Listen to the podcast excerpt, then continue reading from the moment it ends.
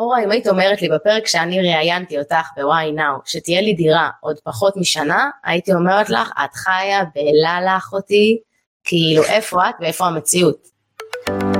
ברוכות הבאות וברוכים הבאים לפודקאסט משקיע תקרא לאחותך, הפודקאסט שישדרג את הכסף שלכם. אני אורה אריאל, האופטימית, ולאחר שעשיתי מהפך מחוסר ידע טוטאלי בתחום הפיננסי לעצמאות כלכלית, אני רוצה לעזור גם לך לעשות את זה. אני רוצה להוקיר אותך על כך שהחלטת לקדם את עצמך כלכלית ולהאזין לפודקאסט שלי. ולכן אני מזמינה אותך ואותך להיכנס לחנות האופטימית ולהזין קוד קופון פודקאסט באנגלית ולקבל 25% הנחה על כל המוצרים הדיגיטליים באתר מתנה ממני. עכשיו, בואו נדבר על כסף. היי, איזה כיף שהצטרפתם לעוד פרק של משקיע תקרא לאחותך. היום אני עם רותם גולן, היא מאמנת מנטלית ומרצה להתפתחות אישית, ומייסדת שותפה של קהילת ופודקאסט why now. אה, הכרתי אותה במסגרת ראיון שעשו לי לפודקאסט שלהם, ובתחילת דרכו, אה, ואני ממש התרשמתי מהקפיצה המשמעותית שהם עשו ברמה ההתפתחותית וברמת ההשקעות. ולכן הזמנתי את רותם לכאן לדבר על כיצד אנחנו יכולות להתפתח ברמה המנטלית וברמת ההשקעות. היי רותם, כיף שאת כאן. איזה כיף, איך אני מתרגשת, וכיף להיות כאן. תודה רבה. אה, גם לי ממש כיף, ואני רוצה להתחיל אה, אותך, כלומר, אני זוכרת שכשאנחנו נפגשנו, את היית ממש בתחילת הדרך גם מבחינת הנושא של האימונים וגם מבחינת הנושא של ההשקעות. ככה היית אה, מאוד עם המון חששות והכל, ואני רוצה ללכת אולי צעד אחורה ולהבין מה גרם לך להבין שבכלל את חייבת להתחיל להשקיע. אוקיי, okay, אז אני אלך קצת ממש אחורה, כי בעצם כל הדרך שלי התחילה מ... כמו כולנו ממה שחווינו בבית ומה שאנחנו מכירים מההורים מהמשפחה ואני אה, גדלתי בבית אה, טוב הכל סבבה גדלתי ברעננה הכל אחלה ובעצם אני הייתי בסיטואציה שאת מכירה את המשפחות האלה שכל פעם אומרים כסף לא גדל על העצים ונקנה כשיהיה לנו ואנחנו לא היינו במשפחות שהולכים לטייל כל שנה בחו"ל. כל הדרך שלי בכלל לעולם ההשקעות התחילה כי אני חוויתי בבית סיטואציה שבאמת גם היום נראה לי ההורים שלי יעבדו כל יום שהם יוכלו לעבוד הם לא יוכלו לצאת לפנסיה הם, כשהם ירצו אה, לא בטוח גם בגיל ה...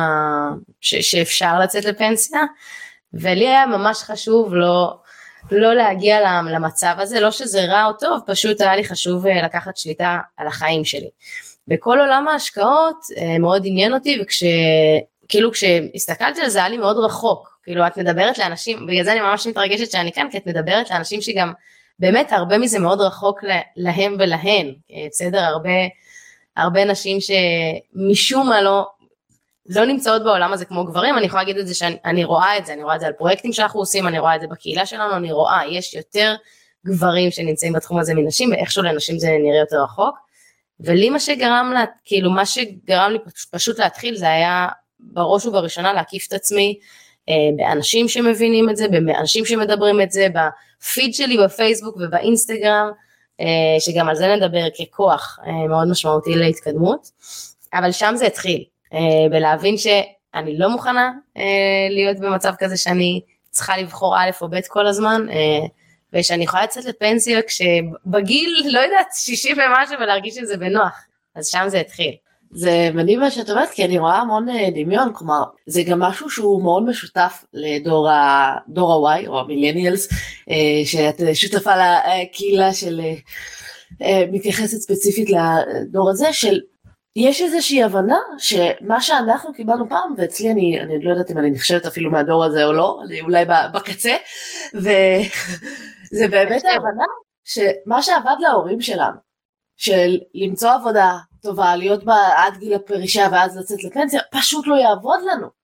לא מבחינת מה שאנחנו רוצים להשיג מתוך החיים ולא מבחינת כלכלית זה לא יקרה הפנסיה שלנו לא תספיק אה, זה ואז זה אומר שבאמת נצטרך לעבוד עד סוף ימי חיינו אה, וההבטחה הזאת שהייתה להורים שלנו החיים שהם קיבלו שאפשר לעבוד ממשכורת אחת לקנות בית לגדל ילדים משפחה אה, ואז לצאת לפנסיה מכובדת פשוט לא, לא נכון עבור הדור שלנו זה פשוט לא, לא המציאות שאנחנו חיים בה.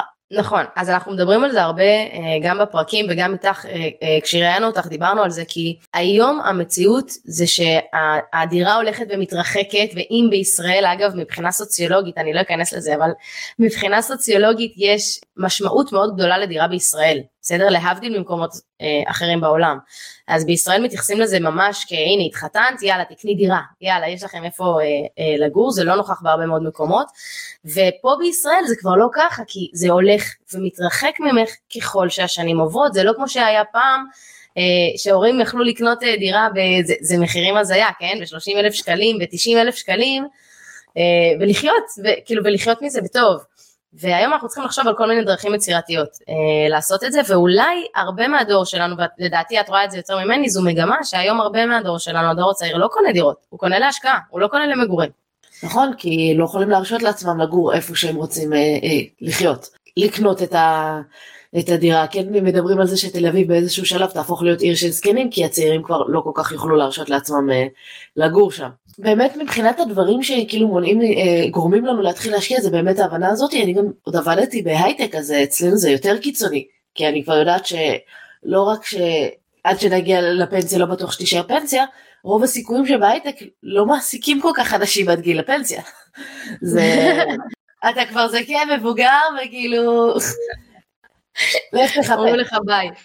כן, אה, במילים יפות אה, כן, ואז באמת הבנת שאת צריכה להתחיל להשקיע. ואז מגיעים החששות שאני גם זוכרת אותם משל עצמי, של אוקיי, אימא'לה, הפחד של לפני ההשקעה הראשונה והכל, אז בואי תספרי קצת על התחושה שלך לפני ההשקעה הראשונה שעשית, מה בסוף ביצעת, ואיך התגברת על החששות האלה. אוקיי, אז בואי נדבר על זה, כי זה החלק האהוב עליי, ואני הכי הכי מזדהה איתו, אגב צריך להגיד גם היום. אה, אני חושבת שחששות ופחדים אה, מהדברים האלה זה בכלל מכל דבר שמאיים עלינו זה משהו שממשיך איתנו זה לא ש-once התגברנו ונגמר ואני אדמה את זה רגע ל... אה, ברשותך לקפיצת בנג'י. כשאת עומדת, עשית פעם קפיצת בנג'י? כן. כן? איפה? כן. בהודו, זה היה הדבר הכי מפגר בעולם בדיעבד, אבל כן, בהודו. מהמם. למה אני אומרת מהמם? כי זה ממש כמו זה, כשאני חוויתי ב... כאילו בתור, כשעמדנו, אז היו כמה חבר'ה שעלו אה, לעשות את הקפיצת בנג'י, הם חיכו שנייה, שתיים, שלוש, חמש, למעלה, בזה, מה קרה אחר כך? ירדו למטה, לא קפצו. עוד פעם, אחד אחר עולה, מחכה אחת, שתיים, שלוש, שבע, שמונה, מחכה עוד קצת זמן, עוד פעם, לא קופץ. ככל שעוברות השניות, ברמת השנייה, ככל שעוברת עוד שנייה, הסבירות שהוא יקפוץ יורדת בחצי. כל פעם, יורדת עוד ועוד ועוד ועוד. למה אני מספרת את זה? כי החששות שלו היו, כשל כולנו אגב, בנושא של השקעות, הם מאוד מובנים, נכון? הגיוני שיש לי חשש לקפוץ בנג'י, נכון? למטה לתהום, זה הגיוני.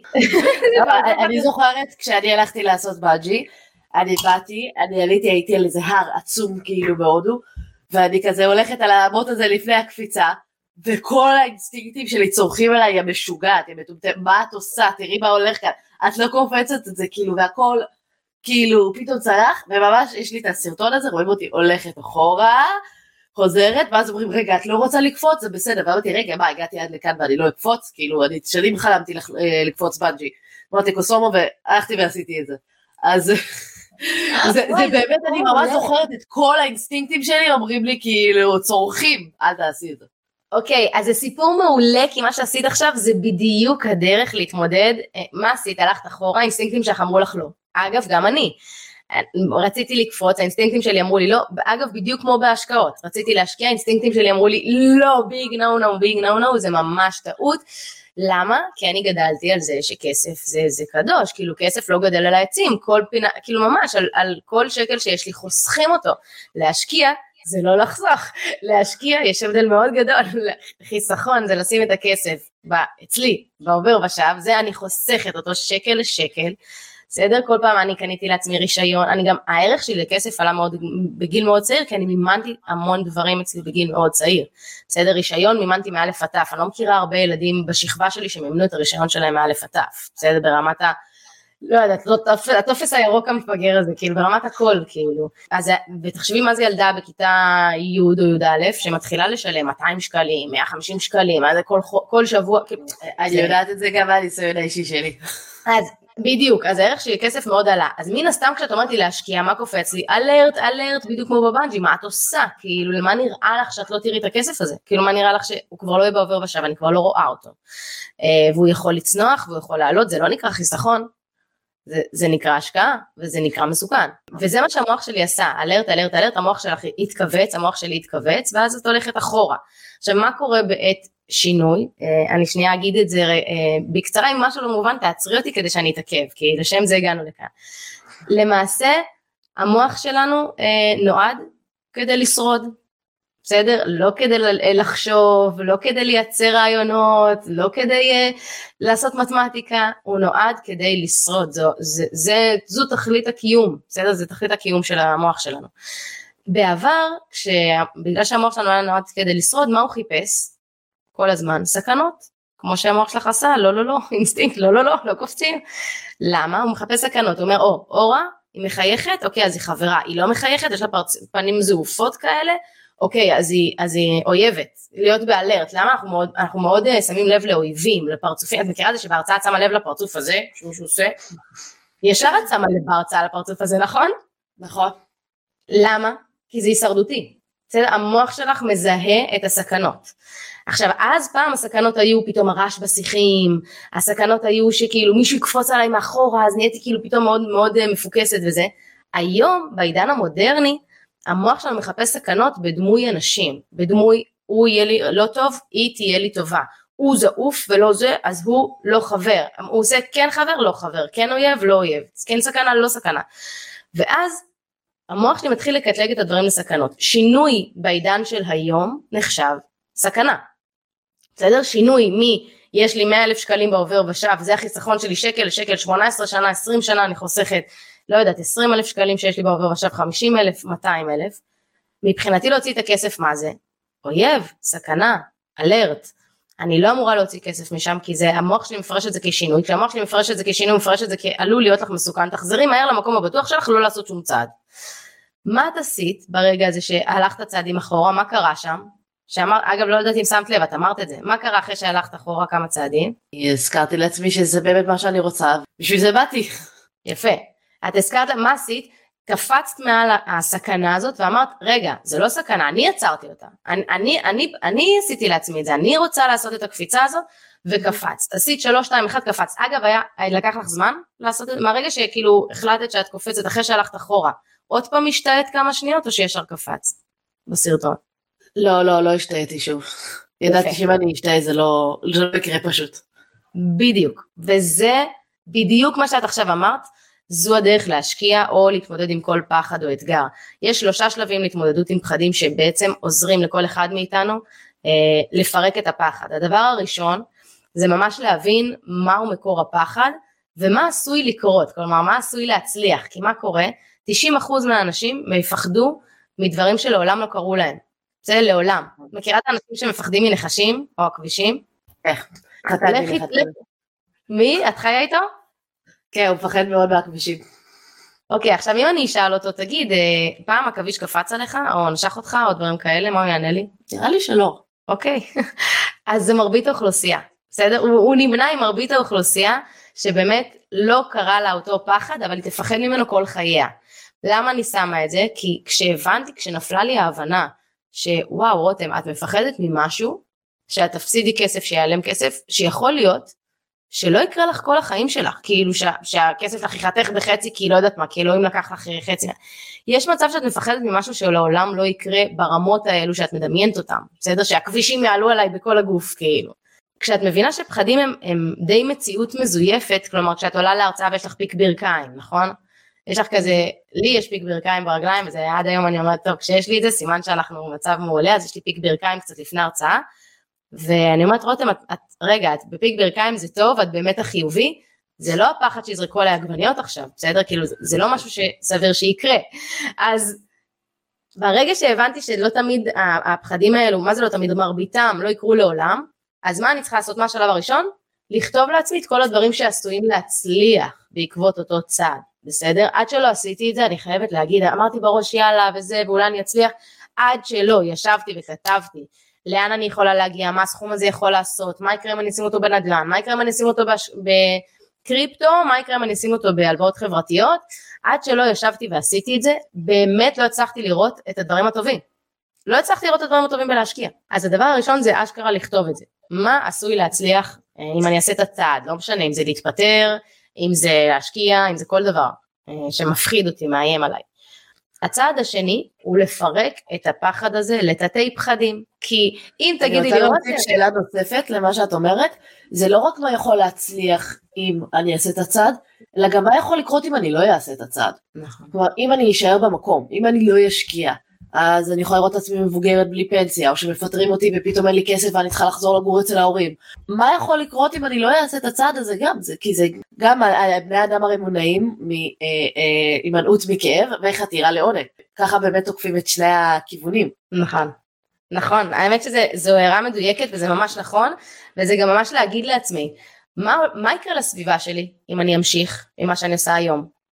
שזה אגב שאלה מעניינת, מה יקרה לילדים שלי אם אני ממשיכה עם מה שאני עושה היום, לא להשקיע או להישאר בעבודה שלא טוב לי, או להיות בזוגיות שהיא זוגיות לא בריאה לי, מה יקרה לסובבים שלי, ליקרים שלי ולעצמי אם אני אשאר בסיטואציה, ומה יקרה לי אם אני אעשה את השינוי, או אקח את הצעד, או דברים כאלו, אני לגמרי מסכימה שני דברים שיכולים מאוד לעזור, וזה בעצם השלב הראשון, כי בלעדיו קשה, באמת, אורה, את לא מבינה כמה ניסיתי, אבל בלי השלב הזה לא הצלחתי לצאת לדרך, פשוט לא הצלחתי.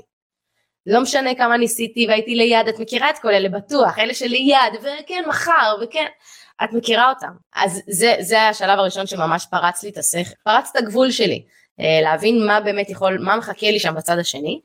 והדבר השני, בעצם השלב השני בהתמודדות עם פחדים, זה לפרק אותם, ואני אסביר. לפרק פחד, הרי להגיד לי, אם אורה, אם היית אומרת לי בפרק שאני ראיינתי אותך בוואי נאו, שתהיה לי דירה עוד פחות משנה, הייתי אומרת לך, את חיה בלה לך אותי, כאילו איפה את ואיפה המציאות, כזה. למה, למה אני אומרת את זה? כי, כי זה נראה ענק. זה, מי שהיום שומע אותנו עכשיו, שומעת אותנו ואין להם דירה ברשותם, או, או, או לא השקיעו שקל שחוק לעולם, זה נשמע עצום, כי מה זה אומר להשקיע? מה זה? תגידי לי, מחר רותם את יושבת שעתיים על ההשקעות שלך, מה זה אומר? מה זה אומר להשקיע? אז מה צריך לעשות כשאנחנו ניגשים לדבר הזה? אז מה זה השלב השני? זה לפרק לתתי פחדים, לתתי מטרות. זה לא רותם קונה דירה, רותם הולכת להשקיע, נקודה. זה רותם מתקשרת לאורה, שיחת ייעוץ, שרגע תסביר לה אה, מה זה, אה, לא יודעת, מחכה מדד, בסדר? ואז זה הופך את זה למאוד מדויק, זה לא מפחיד להתקשר לאורה, נכון? זה לא להתעסק מחר בבוקר בהשקעות שלי שעתיים, זה להתקשר לאורה שעתיים, זה כיף, כאילו. אז מה זה אומר? זה ממש לקחת את הפחד הזה שנראה ענק ולפרק אותו, ופתאום כשאני מפרקת אותו לא כתוב רותם משקיעה מחר מתעסקת בהשקעות שלה, כתוב לי ביומן, רותם מתקשרת לאורה שבוע הבא, ועוד שבועיים כתוב לי רותם אה, עושה טבלת הוצאות הכנסות, לא מפחיד, רק טבלת הוצאות הכנסות. ואז הפחד הענק הזה שנקרא להשקיע, הוא אפילו לא, הוא לא נכנס אפילו בתתי הסעיפים האלו, כי זה פעול, אלו פעולות שאני עושה שהן לא מפחידות. כאילו זה לשבת מול המחשב ולעשות את הדברים שאני צריכה לעשות, כדי להבין מה יש לי, מה אני יכולה להוציא, מה התזרים שלי, החיובי בסוף כל חודש, וכולי וכולי. אז זה השלב שנקרא לפרק, ואני אתן עליו דוגמה קטנה, תגידי לי אם אני אה, חופרת, אני אעצור, אני מבטיחה. אבל דוגמה קטנה שאני עפה עליה זה ש... אה, ואפילו דיברתי על זה נראה לי באחד הפרקים, שבן זוג שלי דניאל אה, רצה ללמד את אחיינית שלי לשחות. עכשיו לשחות, כשאת שואלת אותה למה היא לא רוצה להיכנס לבריכה, מה היא אומרת לך אורה? או הילדים שלך, מה הם אומרים? יפה, הם מפחדים לטבוע, נכון? עוד פעם, כמו לפחד מהכבישים, כמו לפחד מהשקעות, הם מפחדים לטבוע. אז דניאל, בן זוג שלי, מה הוא עשה? מה היה השלב הראשון שהוא עשה? כשהוא נכנס איתה לבריכה? העמיד פנים שהוא טובע? יפה, אני דמיינתי, את יודעת, כמו בן אדם נורמלי, מה עושים? שמים אותה, היא כאילו עומדת עם הרגליים בנמוך, ועושה ככה עם הידיים, נכון? עושה ככה עם הידיים. לא, הוא פשוט אמר לה, תצללי. ואני כאילו אמרתי, מה? מה הקשר? ואז אמר לה, תצ... כאילו תצללי, פשוט תצללי, והוא פירק לה את זה לשלבים, שאמר, הנה, את רואה? כל הגוף שלך במים, עכשיו, את עושה מהאף, כזה בועות בועות כאלה באף, הנה, זו התחושה, ככה טובים. והוא נתן לה להתמודד רגע עם הסיטואציה הקשה, הוא פירק לה את זה שנייה לשלבים, זה לא רותם משקיעה, זה רותם רק בודק את העובר ושב שלה, זהו, היא מפחדת שלא יהיה לה, בוא נבין מה יש לה. כאילו, רק שנייה להבין את מה שיש לה, הוא פירק לה את זה לשלבים, הוא כאילו אמר לה בואי תצללי, תעשי בועות, לימד אותה לעשות בועות בלי הגוף עדיין, רק עם הראש. היא עומדת ככה, רק עם הראש עושה בועות. ואז נכנסת עם הגוף, ואז עושה רק עם הידיים, וזה נקרא לפרק את הפחד לשלבים, זה כבר לא בואי תסחי, הוא לא אמר את המילה לשחות פעם אחת, הוא לא רצה שיעלה לה הטריגר של לטבוע, הוא פיצל את זה לשלבים, הבנתם? כן, כי ב- אני חייבת להגיד שכשטובעים בב- בבת אחת, מהניסיון שלי עם הילד שלי, שהגרנו בבית במקסיקו והיה שם בריכה בחוץ, ואני עומדת צועקת עליו, אתה לא נכנס לבריכה בלי מצופים, אתה לא נכנס לבריכה בלי מצופים, והוא ילד בן שנתיים, מסתכל עליהם ואומר, הא, אני אעשה מה שאני רוצה, ונכנס בלי מצופים, קפצתי אחריו עם כל הבגדים והכל, להוציא אותו, ו- ואז מאז הוא למד לא לעשות את זה ולא להיכנס לבריכה עם הצופים. אז כשזה באמת בא בפתאומי, זה נורא נורא מפחיד, אבל כשעושים את זה בשלבים ומבוקר, מה שבאמת לא עשיתי איתו, כי לא רציתי שהוא ייכנס מצופים, אז אה, אה, זה כנראה באמת הרבה פחות מפחיד, כשמפרקים את זה לשלבים אה, שהם קטנים ולא בום, בבת אחת אה, להיכנס אה, עם כל הגוף ולהתחיל לטבוע. נכון, לגמרי, והטיפ הכי טוב הוא באמת לשמוע את מה ששומעים עכשיו כאן בפודקאסטים, אורה, וכל הטיפים, ושאתם אתם בטוח כאילו שומעים, אה, לא יודעת מה, בפיד ובפייסבוק ובאינסטגרם ובפודקאסטים, ואז להגיד, אוקיי, אז יש לי פלוס מינוס את השלבים, אז לא להגיד, אוקיי, מחר אני אתעסק בהשקעות שלי, מחר אני אתעסק בלעשות את הצעד, לא את הצעד, את מה? את מה? את השיחת טלפון? את ה... לבדוק את העובר ושב שלי, את הלהסתכל כמה תזרים שלי סוף חודש, להסתכל כמה הוצאתי אולי בחצי שנה, שנה האחרונה בממוצע כל חודש, כאילו כמה הכנסתי וכולי. אז זה באמת מה שהשלב השני. אז הראשון להיות מאוד מודעת, כמו שאמרת, להבין מה יקרה לי אם אני לא אעשה את הצעד, ולהבין מה עשוי לקרות ולהצליח אם אני כן אעשה את הצעד, כי את השלילי אנחנו כבר יודעים, המוח שלנו הולך לסכנות, אנחנו יודעים למה הוא מחפש את השלילה וזה בסדר. זה צורך הישרדותי והוא נורמלי, אל תחשבו שיש לכם מחשבות שליליות. ואתם אנשים שליליים ואתם מסתכלים על הרע, אתם לא, זה צורך הישרדותי שיש לכולנו ואנחנו מדמיינים את הדברים השליליים. אז הראשון זה המודעות ו- ומה עשוי להצליח, והדבר השני זה באמת הפירוק לצעדים. הדבר השלישי שממש חשוב אה, להכניס אותו לחיים שלנו, כל אחד. אני, אני רואה את זה בטירוף עם מתאמנים שלי, מתאמנים אישיים שלי שמגיעים לעבודה מנטלית ולאיזה שהם מטרות שהם רוצים אה, להגיע לעצמם. ואלו שמגיעים, לא נעים לי להגיד את זה אורה, זו המציאות, אבל אלו שמגיעים למטרות שלהם זה אלו שיש להם למה, מאוד מאוד חזק.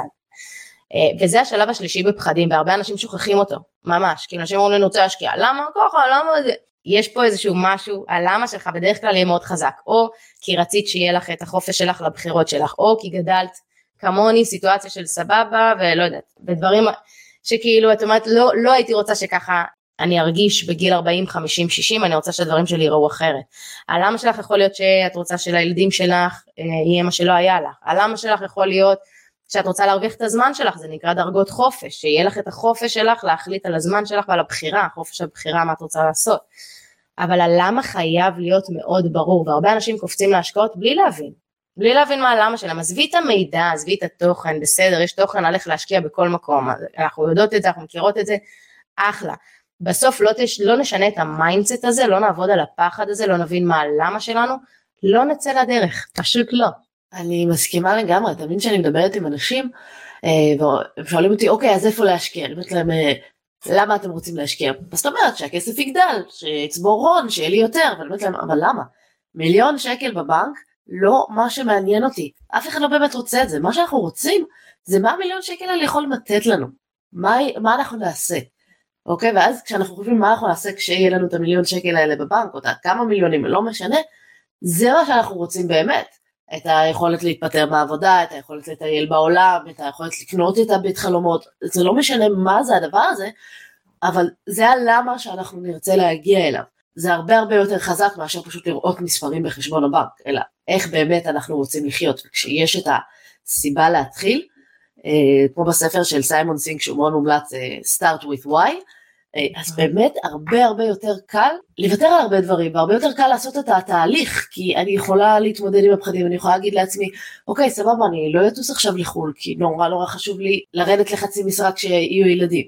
ואז זה הרבה יותר מעניין אותי לעשות את זה מעכשיו טיסה לחו"ל כרגע או שנורא נורא מפחיד אותי להשקיע אבל אני יודעת שהרבה יותר מפחיד אותי לחשוב מה יקרה אם אני אגיע לגיל הפנסיה ולא יהיה לי כסף. כשיש סיבה שהיא מאוד מאוד חשובה הרבה יותר קל לנו להתגבר על כל הפחדים וגם להתחיל לפעול ולעשות את הצעדים בפועל כי יש לנו מוטיבציה שהיא לא יורדת עם הזמן זה לא אוקיי סתם זה יהיה נחמד שיהיה לנו כסף בצד אז נעשה את זה. יפה, מה שאמרת עכשיו לדעתי זה המפתח. כי אני יכולה להגיד לך שאני פוגשת את זה באמת, גם את בטוח, בוואטסאפ, ופונים אלינו בפרטי ובפייסבוק ובאינסטגרם, והמתאמנים שמגיעים אליי אחר כך לתהליך אישי, ואני אומרת לך, אנשים מגיעים ואומרים לי, רותם, אני רוצה חופש כלכלי. מה, איך אנחנו מגיעים לזה, איך אני מפרק את החסמים שיש לי בנושא הזה, איך... ואני כאילו אומרת, רגע, מה זה? מה זה חופש כלכלי? הרי אין דבר כזה חופש כלכלי. הרי, אוקיי, אם עכשיו יש לך דירות ו- ו- ויש לך uh, השקעות ב- בשוק ההון, זה לא חופש כלכלי, את עושה עם הכסף הזה משהו ואת צריכה אותו לטובת מה, זה לא, אין דבר כזה חופש כלכלי, זה לא שאנחנו מתנהלים ללא כסף. כאילו חופש כלכלי, תחשבי על זה רגע, אומר במובן העמוק שלו שאת לא צריכה כסף. וזה לא נכון, כי את צריכה כסף גם כשאת בפנסיה מוקדמת, אז זה לא חופש כלכלי, זה פשוט להגדיר לעצמי מה הוא... את לא דואגת מכסף, או מכל הוצאה שיש. בדיוק, אז חופש כלכלי זה לא לדאוג בכל הוצאה שיש, מה זה אומר? האם אני לא רוצה לדאוג ברמת החצי משרה? האם אני לא רוצה לדאוג ברמת המשרה מלאה? האם אני לא רוצה לדאוג ברמת המשק משותף, שאחד מאיתנו תמיד יוכל לא לעבוד והשני תמיד להיות, לא יודעת, בבית? מה זה אומר? ועד שאנחנו לא מבינים מה הלמה שלנו ועד כמה הוא חזק, כי עכשיו את יכולה, את יודעת, הגיע אליי מתאמן שאמר לי אני רוצה חופש כלכלי, שאלתי אותו למה? הוא אמר לי אה, אה, אני רוצה להביא חמישה ילדים לעולם. ובשביל חמישה ילדים לעולם, מי כמוך יודע, צריך כסף, כאילו, מה לעשות? יש לי רק אחד, בואי. יש אה, חבר'ה שמביאים עשרה, 12 ילדים, אני באמת לא יודעת איך הם עושים את זה, באמת, אני, כל הכבוד להם, אני באמת לא יודעת איך הם עושים את זה, אה, איך הם מגדלים אותם, מממנים אותם אה, וכולי, אבל צריך בשביל זה כסף, אז הבנו, לקח לו זמן להגיע לתשובה. הוא הגיע לתשובה הזאת ואמר, בסוף זה יצא, זה לקח זמן, אבל בסוף יצאה התשובה הזאת שכאילו אמר, בואנה, אף פעם לא חשבתי על זה. אני רוצה לגדל חמישה ילדים, ואני מבין שללא כסף, אני לא אוכל לעשות את זה, יהיו לי שניים, או, או שלושה, וזה היה פתאום, זה הבעיר בו, תקשיבי, זה פתח לו מבערים, זה היה מטורף. כאילו, אז למה הוא, הוא כל כך משמעותי? כי הרבה אנשים יוצאים לדרך ופשוט במכשול הראשון נעצרים. במכשול הראשון, במהמורה הראשונה, בירידות הראשונות שהם רואים בשוק ההון או בדירה שהם קנו, במה שזה לא יהיה, בדברים הראשונים שהם רואים, במיני אתגרים, מכשולים, הם כבר עושים back off, ומה הם אומרים לעצמם? אני לא אעשה את זה בחיים, עשיתי טעות. זה הכי גרוע. כי מה קורה? הם מנציחים את הפחד, הם מנציחים את הפחד, כלומר אני הפסדתי, בסדר כסף, זה היה הכי להנציח את הפחד שלי, כי אני כאילו הדבר הכי חמור, באמת, אני, אני אעלה על במות, אני אעשה הם, אמ, דברים אמיצים, אני אחליף מקצוע, אני אתפטר, אני אעשה המון דברים, אוקיי? אני, אני ארד ברמת ההכנסה שלי, אני אעשה המון דברים אמיצים, אבל אני לא אפסיד כסף, אוקיי? כאילו זה, זה היה, זה היה המיינדסט שלי, כאילו את שואלת איך מתמודדים בתור מתחילה משקיעה, זה קשה, בתור מתחיל משקיע, מתחילה משקיעה, זה נטו מיינדסט, הרי זה, זה רק זה הבעיה, כאילו. כל השאר זה, אתה, אתה צובר את זה תוך כדי, כאילו בדרך, וזה הכל בסדר. והדבר ה big no no שלי היה להפסיד כסף, ומה קרה? הפסדתי. זה הפסדתי, ב... השקעתי בביטקוין, והיה הייפ מטורף, ואמרתי, אגב, אני עדיין, אני אישית, אני עדיין מאמינה בזה, אני עדיין חושבת שה, שהדור הבא עוד יותר אה, יחזק את זה, אה, ועוד יותר ילך לשם.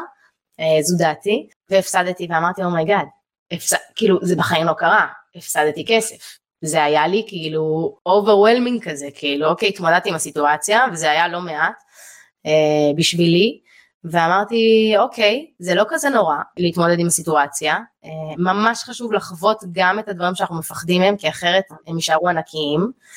אה, ובמינונים קטנים, כן? לא, לא לקפוץ עכשיו על אה, שוק ההון ועל השקעות אלטרנטיביות עם שני מיליון, או עם כל מה שיש לי. אני אמרתי חמישה אחוז מההון שלי שפנוי להשקעה, אני מוכנה לשים בסיכון גבוה, ו- ולא יותר מזה, כאילו בסיכון גבוה גבוה, תנודתי מדי הכוונה. אה, לא, לא מסלול מניות בשוק ההון, אלא כל הדברים הלא בטוחים, קריפטו ענייני, ופשוט התמודדתי עם זה ואמרתי אוקיי, השד לא כזה נורא, כאילו הפסדתי כסף, זה כסף מבוקר, כלומר ידעתי שזה ווין לוז כזה ומה שיהיה יהיה ואני מנסה ומתנסה והרווחתי ניסיון מטורף כי התמודדתי עם מה שהכי מפחיד אותי בעולם. זה, זה פשוט גם התחושה שיש אחר כך היא מדהימה, כלומר, אוקיי, התגברתי על זה, שלא כל כך נורא, אה, יאללה בוא נעבור להשקעה הבאה. הכנסתי עוד, אבל, אה, אבל, אבל אה, לא, סתם, איפה שיש ירידות משמעותיות, אני כן חושבת שאם יורד לנו הסכום, ההשקעה, מה ששמנו יורד ויש ירידות משמעותיות, צריך להבין אם שווה לאורך טווח. עוד פעם, אני אישית מאמינה בזה, אני חושבת שקריפטו כן יתחזק לדעתי ככל שהשנים יימשכו וככל שהדור הבא ייכנס עוד יותר לעידן הדיגיטלי המטורף הזה. אמ, אז זה מה שאני מאמינה בו. אה, אבל כן, הדרך, אם שאלת אותי על ה... לא תעשו את המחקר. לא, נכון, נכון. לא המלצה, לא ייעוץ, אין האמור מעיד על בלה בלה בלה בלה בלה. אמ, ואני יכולה להגיד שגם אורה, את לא יודעת את זה, אבל אורה אה, מבחינתי מודל כאילו בהרבה מאוד דברים, ואני יכולה להגיד ואני יכולה להגיד שכאילו כשאתה מסתכל על זה ואתה וכאילו הסתכלתי על זה אמרתי אוקיי יש מישהי שעשתה את זה והיא אישה ולא כולם בעולם של גברים אני בסטריאוטיפ שלי זה העולם של גברים השותף שלי שי ביבס הוא גבר והוא מתעסק בהשקעות ומרבית האנשים ששואלים אותנו שאלות בנושא הזה הם לצערי הם גברים מה זה מרבית לדעתי 70 אחוז בסדר 70 אחוז גברים 30 אחוז נשים שפונים אלינו לפחות אולי אולי חלקם לא פונים כאילו בטוח אבל יותר אה, גברים פונים וכאלה. אמרתי אוקיי זה לא בשבילי כאילו אני אני מישהו ינהל לי את זה אני אלך למשהו מנוהל ומישהו יעשה לי את זה. אה, אז אני יכולה להגיד שהדבר הכי גדול שעשיתי בחודשים האחרונים היה לקנות דירה להשקעה בחיפה בישראל ולא האמנתי שאני אעשה צעד כזה כי בשבילי זה עוד פעם זה היה נשמע עצום לפני שנה והיום זה נשמע לי מאוד מאוד ברור מאוד מובן. כאילו מאוד ידעתי מה המסלול שאני עושה בניתי תוכנית כלכלית בניתי מטרות לטווח ארוך לטווח קצר אה, לטווח בינוני איזה, איזה מטרה אה, אני יכולה להשקיע דרך איפה. ומה שמפיג פחדים ששאלת הרבה אנשים קשה להם לצאת לדרך כי אין להם תוכנית. אה, ובלי תוכנית לפחות כמה שיותר ברורה שאתם יכולים לעשות לא אמרתי שתבינו כל שנה מה יקרה לכסף סבבה זה לא יקרה אבל תוכנית כמה שיותר ברורה כמה שיותר אה, אה, שמפיגה לכם את הערפל ותפסיקו לקרוא לזה רק אני משקיע או השקעות אלא תדעו מה אתם עושים ולאן אתם הולכים לי זה מאוד מאוד מאוד עזר, תוכנית ברורה אה, עם מטרות ברורות למה משרתת אותי כל השקעה, שינה לי לגמרי את הגישה שלי לעולם של השקעות. כמעט לגמרי, זה בהחלט יכול לעזור. אה, כמובן ככל שיודעים יותר התוכנית יכולה להיות אה, מפורטת יותר, גם עשיתי פרק על כל מיני אסטרטגיות השקעה כדי שכל אחד יוכל לעשות תוכנית. אבל אני חייבת להגיד, לפני שהוצאתי את קורס ההשקעה הראשונה שלי, רציתי להתמודד עם הדבר הזה שמונע מאנשים להתחיל להשקיע. ושאלתי מה מנע מאנשים להתחיל עד כה? ויש שתי תשובות שחזרו על עצמם. הראשונה זה הפחד שדיברנו עליו. הדבר השני זה חוסר ידע. כי לצערי זה באמת אה, משהו שלא מדברים עליו לא מדברים עליו מספיק לא מלמדים אותו בשום מקום אה, כמו שצריך לא במקומות הפורמליים שאנחנו אומרים לפחות אה, וזה גם אחת הסיבות שלי לפודקאסט גם לתת את הדוגמה האישית כמו שאת אומרת במיוחד לנשים שחסרות לנו דוגמאות אישיות אה, וגם אה, כדי להנגיש את הידע הזה שהוא בעיניי קריטי לגבי אה, להתחיל להשקיע. אז אני רוצה לשאול אותך לגבי הידע שלך, מאיפה את התחלת לצבור אותו? אוקיי, okay, אז קודם כל זרקתי את עצמי, זה משהו שבן זוג שלי ואני, דניאל ואני כל פעם אומרים, כאילו תזרוק את עצמך לסביבה שאתה רוצה להיות בה, אתה תצמח, כאילו, עזוב שנייה את כל המסביב. אז מה זאת אומרת, יש לנו סביבה, שזה מה שאמרתי לך שבהתחלה אמרנו שנגיע לזה, אז אהבתי, הגענו לזה. סביבה זה אחד הדברים, כשדיברתי על סביבה מקודם, על פיד, על פייסבוק, על אינסטגרם, יש סביבה דיגיטלית, בסדר? זה נקרא סביבה חיצונית ופנימית. יש סביבה חיצונית שזה המדיה, הדיגיטל, החברים שלי, העבודה שלי, הקולגות, כל זה סביבה חיצונית, ויש סביבה פנימית, בסדר? סביבה פנימית זה השיח שלי מול עצמי, אה, זה, זה מה שאני מזינה את עצמי, המחשבות שאני מביאה לעצמי, מה שאני מתעסקת איתו אה, ביום יום במוח שלי, זה הסביבה הפנימית שלי, מה אני, במה אני מעשירה אותה. אם אני מעשירה את הסביבה שלי בכל האנשים שלא הצליחו, ודוד שלי שסיפר על הכישלון שלו בשוק ההון, כאילו, יודעת, מדברת על ידע. יש מישהו ו... כזה במשפחה. והמישהו במשפחה שנכשל עם הדירה, והנה אימא שלי עשתה לא מזמן איזושהי השקעה שלא הצליחה, שזה היה סיפור סיפור, כאילו זה ליווה אותה. כאילו בדיוק כשאני באתי להיכנס בשנה האחרונה לכל העולם הזה, היא חוותה מפלה, לא מפלה, יותר חוסר ודאות מאוד מאוד גדולה בנוגע להשקעה שלה במשך יותר מדי זמן. אה, ממה שהיה אה, סגור בחוזה וזה כאילו דיברה על זה וכאילו כל פעם שדיברנו אני כזה זה כל פעם צף. ואז הידע שלי ממה הוא ניזון דיברת על ידע ממה הוא ניזון? מכל מי שלא הצליח בסדר? מה, מזה שלא הצליח מזה שלא הלך לו מזה שאני מדברת עם חברה שלי ב, בעבודה והיא לעולם לא השקיעה אז זה גם נשמע לה נורא או גדול או, או מפחיד או היא לא יודעת מה הצעדים. אז דבר ראשון הראשון שעשיתי, אה, זה היה לפני שהתחילה אנחנו לא יודעים, מפחיד, גם אה, להתחיל לנהוג בהתחלה היה נורא מפחיד. נכון, גם אגב לטייל בחו"ל, תשימי לב שאנחנו עושים במדינה הזאת דברים הזיה, כאילו אנחנו יורים בנשק, אוקיי? לא, זה הזיה, אנחנו יורים בנשק, שזה לכאורה כאילו אמור להיות ממש מפחיד, אבל זה נראה לכולם נורמלי, למה? כי כולם עושים את זה. אנחנו הולכים לטיול ב- ב- בעולם, אנחנו לא מכירים, תקשיב, יש אנשים שיוצאים לטיול בעולם, הם לא יודעים ניווטים, סבבה? הם לא יודעים כאילו לקרוא מפה. אוקיי? אבל הם יוצאים לטיול כי כולם עושים את זה, והידע כאילו נמצא שם. אותו דבר בנושא הזה, אני לא הכרתי את זה, תקשיבי, אין לי אף אחד מהבית שהשקיע. אימא שלי כאילו נכנסה לעולם הזה גם כזה, לא דיברה על זה, וכשנכנסה לעולם הזה בשנים האחרונות זה כזה היה לא מדברים על זה ו- ולא יודעים מה יהיה וכאילו גם מנוהל כזה בחוץ מישהו לקח ואמר יאללה בוא נעשה עם זה משהו עם הכסף שלך ונגיע ל- למקומות נפלאים וזה לא תמיד עבד וכאילו לא, לא שמעתי על, על, על הדבר הזה.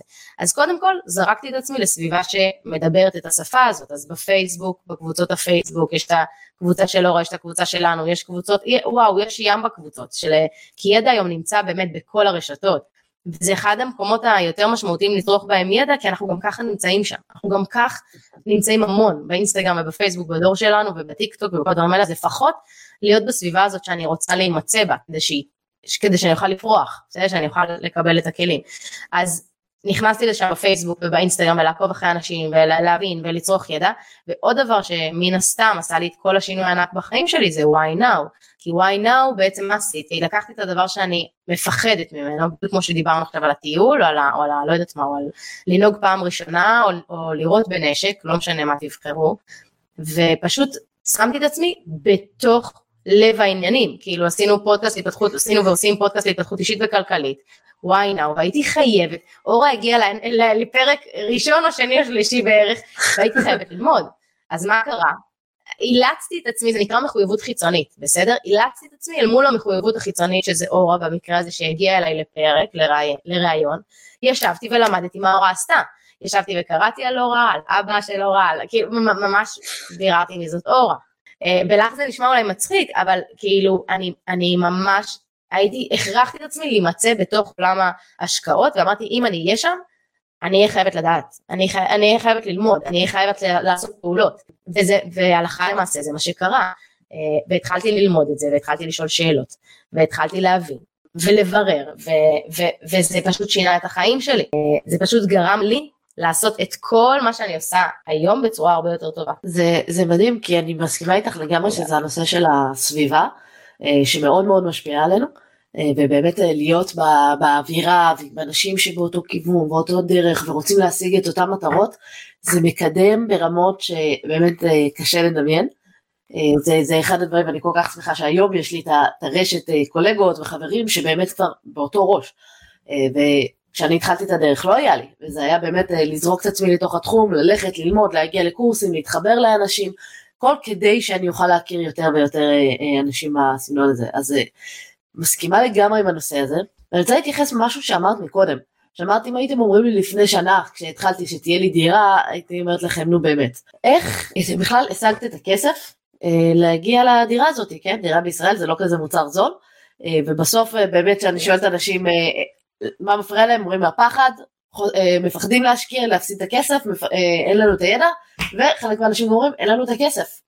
אה, וזה משהו שאני מניחה שלפני שנה גם היית חושבת, אז איך הגעת למקום הזה שיש לך כסף לקנות דירה פתאום? אוקיי, okay, אז גם היום אני יכולה להגיד שזה עדיין מאיים, מוזר, מפחיד, אבל לא באותה רמה. היום אני מתעסקת במשכנתה, לקחתי הלוואה, עניינים וכאלה, ותכף אני אסביר מה, מה, מה אני עשיתי וזה עדיין אה, אני מסתכלת על זה ואומרת איזה מגניב אני עושה את הכל פעם ראשונה זה מאתגר ואני מקיפה את עצמי בצוות של מומחים של אנשים שיודעים את העבודה וזה מאוד מאוד מקל עליי. אני לא צריכה להמציא את הגלגל זה אנשים שעשו את זה כבר ומסייעים לי בדרך. אז כשאני הסתכלתי על דירה ועוד פעם דירה להשקעה כי יש שתי טוב אני לא צריכה לספר לך אבל יש כאילו שני אה, דברים שמאוד מומלץ לעשות, שזה בעצם להיצמד למדד המחירים של הדירות שעולות בישראל ושוק ההון, בעצם שני דברים שהם זרועות מאוד אה, אה, משמעותיות, ואז כל השאר השקעות אלטרנטיביות, הלוואות חברתיות, קריפטו וכולי וכולי, שאפשר עוד להתעסק איתם. עכשיו אמרתי אוקיי, דירה להשקעה, עשיתי לעצמי אפרופו מה אמרנו שעובד, מחויבות חיצונית, דדליין, אמרתי אוקיי, יש לי, אם אנחנו מתחתנים דניאל ואני חייב להגיע עם דירות, אבל אין לי כסף לדירה. אז מה נעשה? כאילו אמרתי, הרי אם אנחנו לפני חתונה, אז כל אחד יכול לנצל את המימון שהבנק נותן, 75% לדירה הראשונה, גם דניאל וגם אני, אבל אין לי את הכסף. אז מה אנחנו עושים? אמרתי, אוקיי, בטוח יש, וגם באחד הפרקים אנחנו דיברנו על אופציות מימון, אוקיי? שאופציה אחת היא לקחת הלוואה ומשכנתה, ואמרתי, אוקיי, את זה אני לא אעשה. אני לא אקח הלוואה ומשכנתה ואגיע עם אפס הון עצמי, אה, כי עוד פעם, ביססנו את זה כבר שאני לא בן אדם של לקחת את הכל ב-100% אה, סיכון ולהמר על כל הכסף, זה אנחנו כבר יודעים. אני בן אדם, אני צריכה צעד צעד לאט לאט. אה, אז אמרתי, אוקיי, מי יכול להיכנס איתי להשקעה? מי יכול להיכנס איתי שהוא בסביבה שלי? הוא, היא, והם יכולים להיות חלק מה, מההשקעה הזאת של הדירה. ואז אמרתי, אוקיי, אימא שלי. אימא שלי בדיוק קיבלה את ה... את ה כאילו הייתה איזושהי השקעה וכל הסיפור, לא משנה, ואז היא אמרה לי, תשמעי, אני רוצה להשקיע. אמרתי לה, אוקיי, בואי ניכנס. Uh, ובואי נראה איך אנחנו עושות את זה, את תביאי את ההון הראשוני, אני אעשה את כל השאר. בסדר, את תביאי 25 אני אטפל בכל ה-75 ולמעשה uh, אני אחזיק את מרבית הדירה, uh, כמובן, ודירה תהיה על שמי, ואת כאילו תעשי, כאילו שבמקום שהכסף שלך יהיה בעובר ושב, הוא יעשה תשואה ביחס למה ששם. וכך היה. Uh, עכשיו הרבה אנשים שמגיעים לשיח על דירה, על שוק ההון ודברים כאלה, אומרים אין לי כסף, כאילו, ואני מבינה אותם, אין לי כסף, אבל אז אני גיליתי שכשאתה מדבר על זה, כאילו כשאת מדברת על זה, כשאת מנסה למצוא אופציות, וואו, יש מלא. אז אופציה ראשונה היא לדבר עם קרובים. בסדר קרובים מאנשי משפחה דברים כאלה שכאילו כסף שלהם יושב בעובר ושב סבבה מר, כאילו הרבה מהסביבה אתם תתפלאו לגלות כמה אנשים בסביבה שלנו הכסף שלהם יושב בעובר ושב. אז אני אתן לך נתון סטטיסטי לגבי זה הלמ"ס הלשכה המרכזית לסטטיסטיקה הם מצאו אה, שבשנה האחרונה היה מעל לחצי טריליון, אוקיי? מעל איזה 500 מיליארד שקלים של ישראלים שישבו בעובר ושב, בפקדונות בבנק, מעל לחצי טריליון, שזה סכום בלתי נתפס, שיושבים בזה, זה, זה לא איזשהו משהו שאת מניחה, זה, זה, זה עובדות בשטח. זה עובדות, את מבינה? תחשבי אבל איזה מטורף זה אם מישהו עכשיו שומע אותנו ואומר אוקיי אני אדבר על זה בארוחת שישי. אני בארוחת שישי הולך למצוא מימון. אני בארוחת שישי הולך למצוא מישהו מהקרובים שלי, של סבא, של סבתא, של האח, של האחות, של הדוד, של הדודה, ואומר לו, תשמע אחי, בוא תעשה איתי, אני יודע מה אני עושה, אני לוקח איתי צוות מומחים, תעשה על ה-25% שאתה שם, על ה-50% שאתה שם, תעשה אופציית מימון. אגב, אני אספר לך יותר מזה, אחרי שגיליתי את האופציה המטורפת הזאת, סבבה? אני כבר אתמול דיברתי עם מישהו שהוא חבר, מכר, אנחנו אפילו לא חברים, אוקיי? פתאום הוא שומע את זה, אומר רותם איזה מניאקית את, לא, אנחנו אפילו לא חברים, אנחנו מכרים, ודיברתי איתו על לעשות חצי חצי בדירה הבאה. ואז אני לא צריכה לחכות לאופציית מימון, כי יש לו את הכסף. אני לא צריכה לחכות שיהיה לי כסף. ופתאום זה פתח לי את הצ'קרות, אמרתי איזה מטורף, דיברתי אתמול עם בן אדם, שבאמת, אורה, אנחנו בקושי, כאילו, הוא מכר, שאנחנו ממש יכולים להיכנס כשותפים לתוך עסקה עם חוזים עם הכל.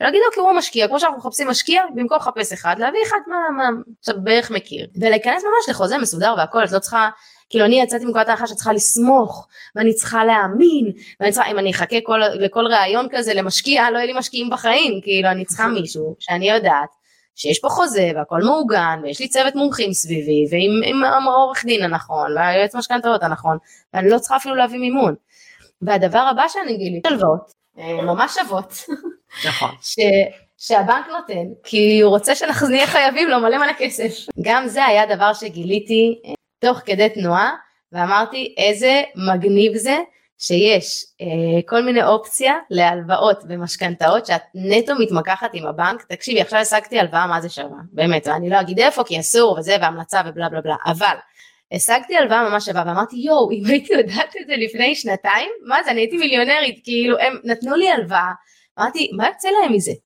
5,000 שקלים? תקשיבי בסוף כל התקופה יוצא להם מזה 6,000 שקלים בערך כאילו אמרתי אוקיי ב-6,000 שקלים בן אדם שפוי קונה לא יודעת משלם על שכירות של חודש אוקיי בן אדם בתל אביב אבל סתם לא יודעת איפה אבל אה, אבל כאילו אמרתי fuck זה זה יש דברים, אני בחיים שלי לקחתי הלוואה, את מבינה מה אני אומרת לך? כאילו בחיים. ופתאום כשהתמודדתי עם זה, עכשיו בשנה האחרונה אמרתי יואו, אם הייתי יודעת את זה לפני שנתיים, הייתי עכשיו עם שלוש דירות, כי יש מלא אופציות מימון.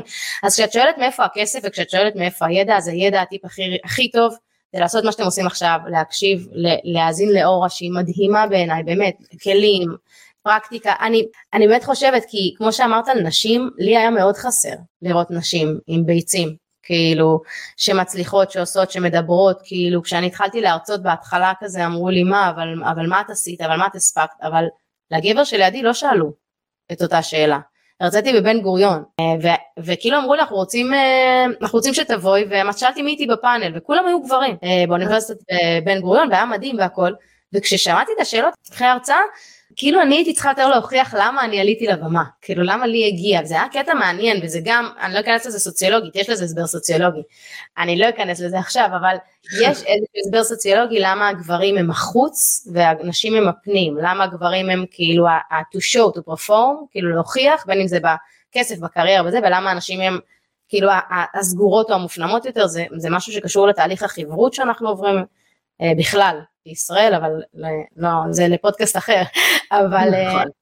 אז כן, זה להציף את עצמי בסביבה, זה בנשים, בגברים, באמת כל דבר שעוזר לכם תכלס, באמת כל דבר שעוזר לכם תעשו, זהו. תמצאו את האנשים שאתם מתחברים אליהם, תלמדו מהם, ותמצאו את הקבוצת אנשים שיעזרו לכם.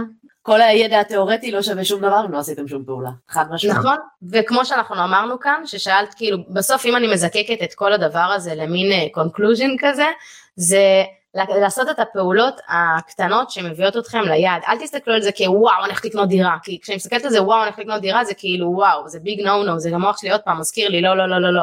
לא עושים שינויים כאלה, לא קופצים למים כאלה, זה מסוכן, אתה עלולה לטבוע, זה לא מה שאנחנו רוצים.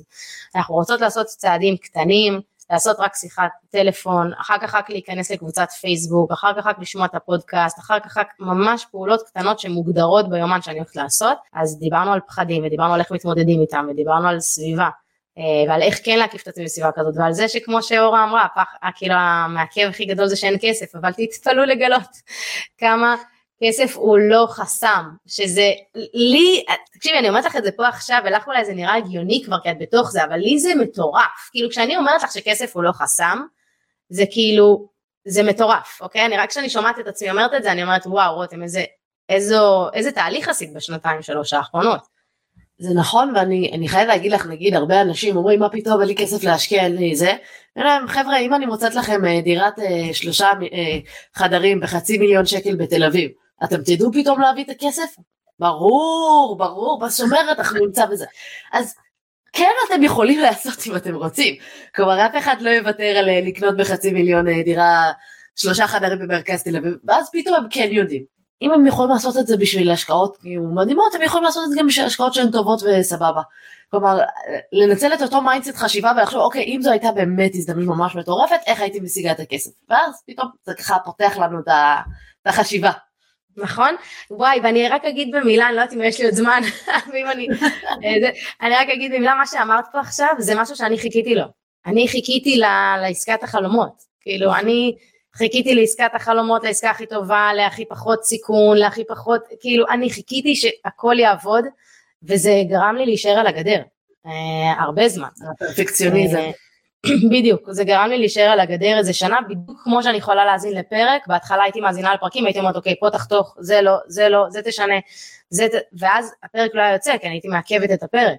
אז זה בדיוק זה, אנחנו, הפרפקציוניזם הזה של מה שאת עכשיו אמרת הוא מאוד משפיע על משקיעים בהתחלה, בסדר? לחכות לעסקה המושלמת שאני לא אצא פראייר, שאני לא אפסיד, כי כבר דיברנו על זה שלהפסיד זה כאילו הביג נו נו של משקיעים בהתחלה, וברגע שאמרתי אוקיי רותם אין דבר כזה מושלם, אין, אין זוגיות מושלמת, ילד מושלם, עבודה מושלמת, אין, אין, לא הכל מושלם, תמיד יש גם וגם. כאילו תמיד יש דברים שאת יותר אוהבת במה שאת עושה, דברים שאת פחות אוהבת במה שאת עושה, דברים שאת יותר אה, כמה עליהם באנרגיה, דברים שאת עושה עם קצת פחות אנרגיה, כאילו תמיד יש גם וגם. אז אה, כשהבנתי שאין כזה דבר עסקה מושלמת, ושאין, כאילו שהכל יהיה בדיוק מה שאני רוצה, אז זה עזר לי מאוד לקפוץ למים.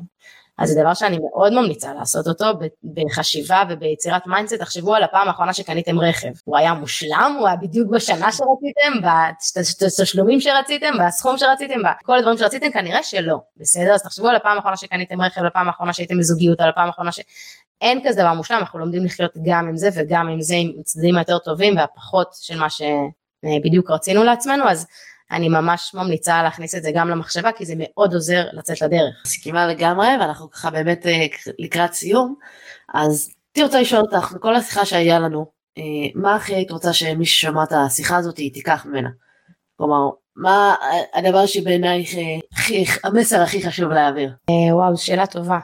Uh, לדעתי המסר הכי חשוב זה, זה לצאת לדרך לא משנה איך. כי נתנו פה כלים שקשורים לפחדים ולמנטורינג כאילו לאנשים שהם מודל ל- לעשות פעולות קטנות אבל בסוף אם, אם את שואלת אותי באמת באמת מה המסר שאני הייתי רוצה להעביר ולמה אנחנו עושים את הפודקאסט ואת ואני ומרצות ועושות כמה שיותר זה כדי שבאמת כמה שיותר אנשים יבינו נשים גברים באמת שיבינו ש... ללא לצאת, לצאת לדרך, ללא לעשות את הפעולות הקטנות, הדברים הכי פיצים שיש, אתם פשוט תסתכלו אחורה, תעבור שנה, אתם תהיו באותה נקודה, בול. ואני חושבת שברגע שמבינים שלא משנה כרגע מי יהיה המודל ואיך אני אתמודד עם הפחד ומה אני אעשה עם זה, ברגע שמבינים שלצאת לדרך זה פשוט חלק מזה, גם אם לא מושלם וגם אם לא מדויק וגם אם לא מצאתי את המודל הכי שחיפשתי, וגם אם לא מצאתי את הדירה הכי טובה, וגם אם לא מצאתי את הזוגיות הכי מושלמת, אבל יצאתי לדייטים ופשוט שמתי את עצמי בתוך הזירה הזאת ולא נשארתי על הגדר, זה המסר הכי חשוב, אל תישארו על הגדר. פשוט רדו למגרש, כי בלי לרדת למגרש אי אפשר לנצח, אי אפשר, אי אפשר, אני הבנתי שאם אני אמשיך להישאר על הגדר אני פשוט אקלל את עצמי, די, אני לא, אני לא יכולה להמשיך להישאר על הגדר, וזה המסר שאני הייתי כאילו, הייתי מאוד רוצה לשמוע לפני שנתיים שלוש שהיה עוזר לי לקפוץ מוקדם יותר, או לפני שבע שנים, אז אם מישהו, מישהו שומעים את זה, קפצו, רדו למגרש, תפסיקו לשבת על הגדר, תעשו פעולות קטנות, זה ישנה, זה ישנה את החיים שלכם מהקצה אל הקצה. מסכימה לגמרי לגמרי. אה, רותם ממש תודה שהיית איתנו כאן, ותודה לכל מי שהאזין והאזינה, אה, ואנחנו נתראה בפרק הבא. איזה כיף, תודה רבה רבה על הזכות. תודה רבה. להתראות. תודה רבה שהאזנת למשקיע תקרא לאחותך. להמשך העשרת הידע הפיננסי, אני מזמינה אותך לקרוא בבלוג, להירשם לערוץ היוטיוב ולקורסי ההשערה של האופטימית, וגם להצטרף לקבוצת משקיעים בדרך לעצמאות כלכלית בפייסבוק. אגב, מחקרים מראים שפרגון משפר את המצב הכלכלי. כן, כן, דירוג הפודקאסט או עמוד האופטימית בפייסבוק יאפשר לך גם לפרגן וגם לעזור להעביר את המידע הלאה. כל הכישורים שדיברנו עליהם נמצאים בתיאור הפרק, אז בלי תירוצים, הגיע הזמן למעשים. נתראה בפרק הבא.